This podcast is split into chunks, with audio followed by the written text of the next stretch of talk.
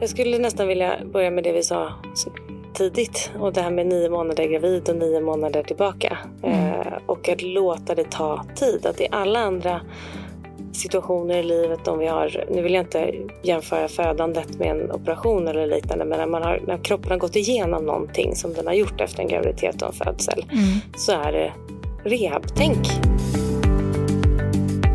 Du lyssnar på Itrim-podden, en podd för ett lättare och friskare liv, producerad av Itrim. Att vara fysiskt aktiv under graviditeten har visat sig vara positivt både för mamma och barn. Att röra på sig regelbundet det kan bland annat minska risken för graviditetsrelaterade besvär som smärta, depression och graviditetsdiabetes.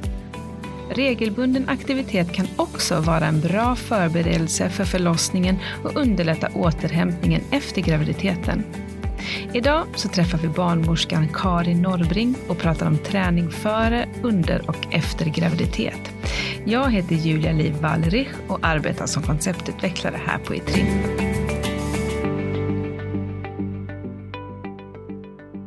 Hej Karin!